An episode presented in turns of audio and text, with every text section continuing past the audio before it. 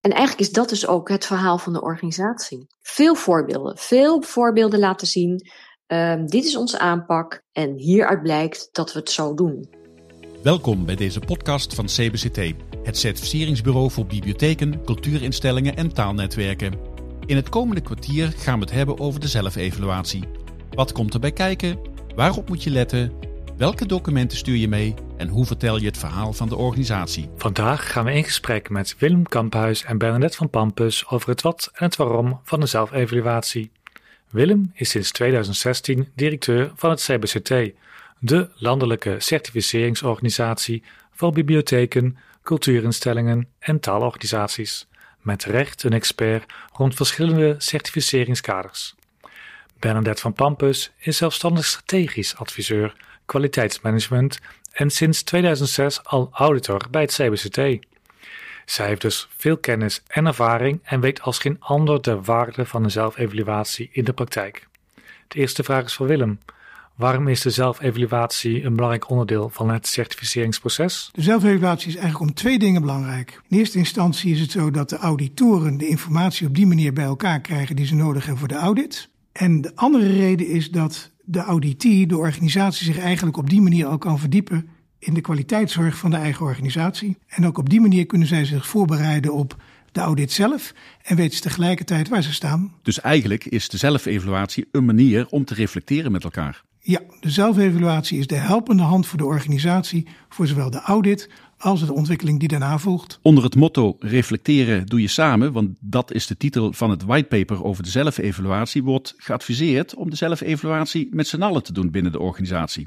Wat is het voordeel daarvan? Ja, daar hebben we een goede reden voor om het zo uh, te adviseren. Het is natuurlijk belangrijk dat die zelfreflectie, die zelfevaluatie, dat dat een gedeeld beeld oplevert van de organisatie. Dus niet, niet het beeld van één persoon, de directeur of de manager, maar van degene die eigenlijk het belangrijkste zijn in de dagelijkse leiding van de organisatie of het taalhuis. Dus het, is, het creëert draagvlak onderling met z'n allen. Het creëert consistentie. Maar het is ook zo dat um, je hebt meerdere mensen nodig. Want je bent vaak in een functie, kan je niet over de zeven onderwerpen iets zeggen. Dus zou één iemand de zelfreflectie, de zelfevaluatie zelf invullen, dan is het risico dat het een eenzijdige zelfreflectie wordt. Bijvoorbeeld over producten en diensten heb je veel mensen van de werkvloer nodig. En bij het onderwerp mensen, dan zit je weer met de personeelsmanager. En die hebben allemaal een andere kijk. Doen organisaties het beter of juist anders als ze met z'n allen de zelfevaluatie hebben doorlopen? Mm, het resultaat is eigenlijk niet anders.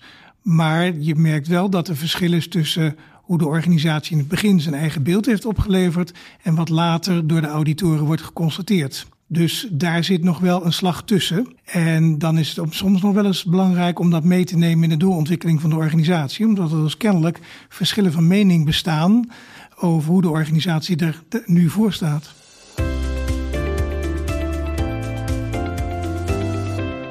Samengevat, zelfevaluatie is een belangrijk onderdeel in het traject van certificering. Het geeft aan hoe je ervoor staat in de huidige situatie.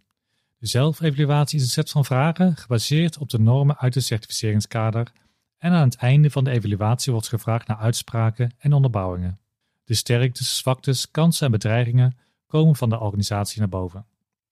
De zelfevaluatie is een gezamenlijke reflectie en dus geen invuloefening voor één expert. Je doet het in samenspraak met medewerkers en samenwerkingspartners. De zelfevaluatie is de basis voor de vragen die de auditor stelt als deze bij je langskomt in de audit. Meer over kan je ook lezen op de website van CBCT. Voordat een organisatie begint met de zelfevaluatie, zijn er al heel wat zaken vooraf ingevuld. Waarom moet er vooraf eigenlijk zoveel ingevuld worden? Het belangrijkste is dat de auditoren een beeld krijgen van de omvang en van de complexiteit van de organisatie die ze gaan auditeren.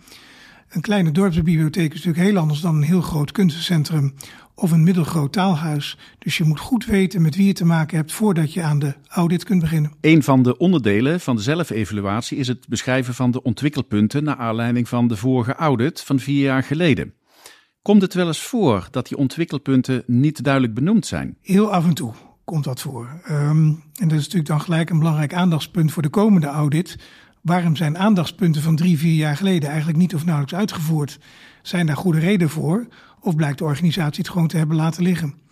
En dat soort informatie is natuurlijk wel weer belangrijk om mee te nemen bij de komende audit. Dus als we zien dat dat gebeurt, dan gaan we het er zeker over hebben op de dag zelf. Want als een organisatie daar niet naar gekeken heeft, dan zou je kunnen concluderen dat zij niet het verbeterproces aantoonbaar kunnen maken.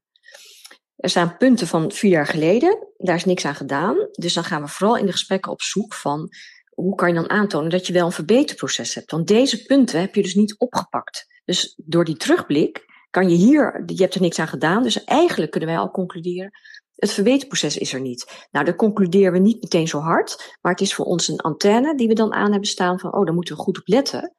Want uh, dit is al eigenlijk een, een, ja, een verkeerd uitgangspunt. Hier, dit kunnen ze al niet aantonen.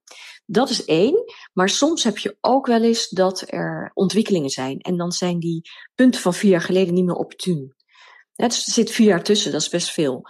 Dus soms uh, bij een organisatie zeggen ze ja, maar dat is eigenlijk gelet op de ontwikkelingen, is dat uh, achterhaald. Dus daar hebben we dan niks meer mee gedaan. Dat kan ook, hè? Een ander onderdeel van de zelfevaluatie gaat over het beschrijven van de ambities en de daarbij behorende knelpunten. Stel nou, je hebt die knelpunten en die ambities op een andere plek eh, beschreven, bijvoorbeeld in een meerjarenbeleidsplan. Hoef je ze dan niet meer in de zelfevaluatie op te nemen? Je kunt ze dan gewoon uh, plakken en knippen, want het gaat erom dat de informatie in de zelfevaluatie terechtkomt. Maar het voordeel is dat je heel snel klaar bent. En heel simpelweg het verwijzen naar het meerjarenbeleidsplan? Um, dat wordt wel lastig als je dingen moet doorlinken.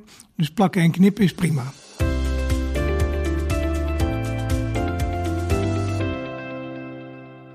De kwaliteit en toekomstbestendigheid wordt altijd getoetst aan de hand van zogeheten certificeringsnormen, ook al kwaliteitsnormen genoemd. We hanteren in totaal zeven normen.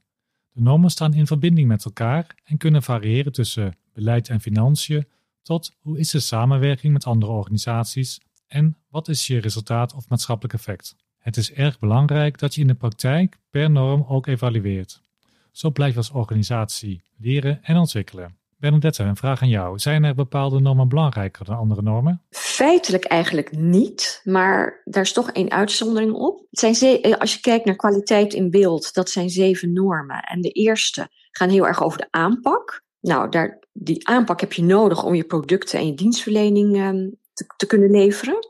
En dan komt er een normelement, dat is nummer zes.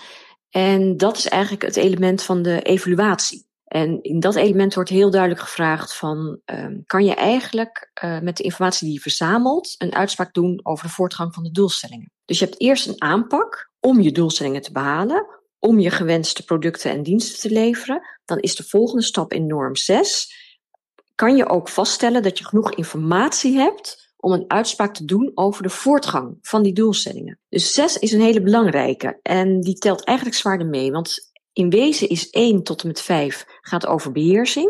Dat is je aanpak, je voert het uit. En 6 gaat over de verbetering. En een kenmerk, een belangrijk kenmerk van je managementsysteem, van je bedrijfsvoering, is juist die verbetering. Dus als je 6 niet op orde hebt, dan heb je alleen de beheersing en heb je niet de verbetering. Feitelijk heb je dan geen ja, managementsysteem, zeg maar. Dat zien we dus ook wel terug in de beoordeling. Daar zijn de eisen eigenlijk wat strenger dan de andere. Dus eigenlijk is kwaliteitsnorm 6, het resultaat en maatschappelijk effect, eigenlijk enorm belangrijk. Precies. En dat is eigenlijk de verantwoording uh, naar je subsidiegevers. Dus dat is een extra element waarom 6 heel erg belangrijk is. Want die vragen gewoon om een verantwoording. En daar is dit eigenlijk onderdeel van. En inderdaad, kwantitatief of kwalitatief, dat laatste gaat steeds meer meetellen. Dat het niet meer om de cijfers gaat, maar inderdaad om het maatschappelijk effect. Eigenlijk niet meer om de output, maar om de outcome. Wat zou nou jouw tip zijn voor bibliotheken en taalnetwerken om dat maatschappelijk effect aantoonbaar te krijgen? Ja, methodieken, dat, dat is allemaal nog in ontwikkeling. Dat is een moeilijk punt. Maar ik zou als tip mee willen geven: vertel je eigen verhaal. Um, ga op zoek naar de ervaringen van mensen. Dat zien we ook in de audits. Gesprekpartners, vooral met taalhuizen, vertellen heel erg hun ervaringen. En juist die ervaringen, dat is al het maatschappelijke effect. Want uit die ervaringen blijkt bijvoorbeeld dat mensen beter meekomen in de maatschappij of noem maar op. Dus ik zou als tip meegeven, ga op zoek naar die verhalen van de mensen waar je het voor doet. En dat is echt een uitstekende eerste stap. Per norm worden steeds een aantal beoordelingsvragen gesteld. Je kan verschillende categorieën aangeven, niet en volledig, maar ook beperkt en grotendeels. Kan je de verschillen tussen toelichten? Niet, dan is het er gewoon niet. Beperkt, eh, de eerste aanzet is er gegeven maar te beperkt om er al iets mee te kunnen. Grotendeels dan is de aanzet er vaak wel, Maar ontbreekt er hier en daar nog iets in die aanpak? Ja, en volledig, dan kan je zeggen, oké, mijn aanpak is van A tot B volledig. En daar, daar gaan we mee aan de slag. Daar zijn we zelfs mee al aan de slag. Een van de beoordelingsvragen gaat over een aanpak. Wat bedoelen jullie ermee? Een aanpak is eigenlijk de werkwijze. En dat betekent gewoon dat je weet wat je moet doen om dat onderwerp aan te pakken. Op het moment dat je geen aanpak hebt, dan is het eigenlijk een black box. En ben je heel erg afhankelijk van de mensen, uh, dat die vanuit hun vakdeskundigheid het goed doen. Op het moment dat je een onderliggende aanpak hebt, dan heb je eigenlijk uh, met elkaar besproken: dit is onze werkwijze en zo doen we het. Dit is de structuur. En dan is het eigenlijk geen black box meer. En dat is dus eigenlijk belangrijk van dit is onze werkwijze, dit zijn onze afspraken en zo willen we het doen. Dat is een aanpak. Vervolgens vraagt de norm om de aanpak te concretiseren door middel van smart doelstellingen. Hoe strikt zijn jullie daarin? In ieder geval dat het meetbaar is. Uh, smart, ja, het staat er letterlijk, dus wij verwachten wel smart. Dus we willen dat het beoogd resultaat, die doelstelling, beoogd resultaat, dat dat niet een uh, intentie is, want de intentie kan je niet meten, maar dat het omschreven is als het beoogd resultaat. Dus dat je inderdaad na verloop van een periode gewoon kan zeggen, dat hebben we gehaald. Dus die doelstelling, die moet eigenlijk wel specifiek zijn en meetbaar. En dan heb je, we hebben het wel over kwantitatieve doelstelling. Dus dat je precies weet over een jaar, dan willen we dat en dat concreet bereikt hebben. En dus niet als doelstelling, we gaan dat en dat doen. Of we willen dat en dat gaan doen. Dat zijn intenties. En dan kan je eigenlijk nooit zeggen, maar wanneer wil je dan het bereikt hebben en wat wil je dan bereikt hebben? Dus wat ik zie het graag resultaatgericht omschreven. Op welke manier kun je nou aantonen dat datgene wat je beschrijft in de zelfevaluatie, dat dat ook daadwerkelijk geïmplementeerd is binnen de organisatie? Dat is het verhaal. Dus de organisatie zelf moet, moet bij die vraag eigenlijk heel goed nagaan. Welke voorbeelden kunnen wij tonen waaruit blijkt dat we het geïmplementeerd hebben? En eigenlijk is dat dus ook het verhaal van de organisatie. Veel voorbeelden, veel voorbeelden laten zien. Uh, dit is onze aanpak en hieruit blijkt dat we het zo doen.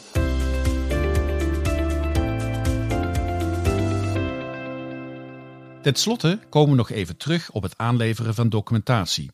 Want tijdens het doorlopen van de zelfevaluatie wordt een organisatie gevraagd om relevante documenten te uploaden.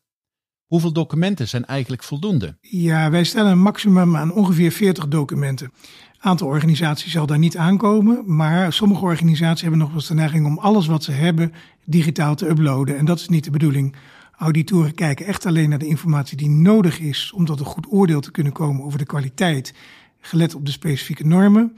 Dus een heel bombardement aan extra documenten is niet nodig en worden door de auditoren ook gewoon terzijde gelegd. Het papier, zeggen wij, is altijd ondersteunend aan de praktijk.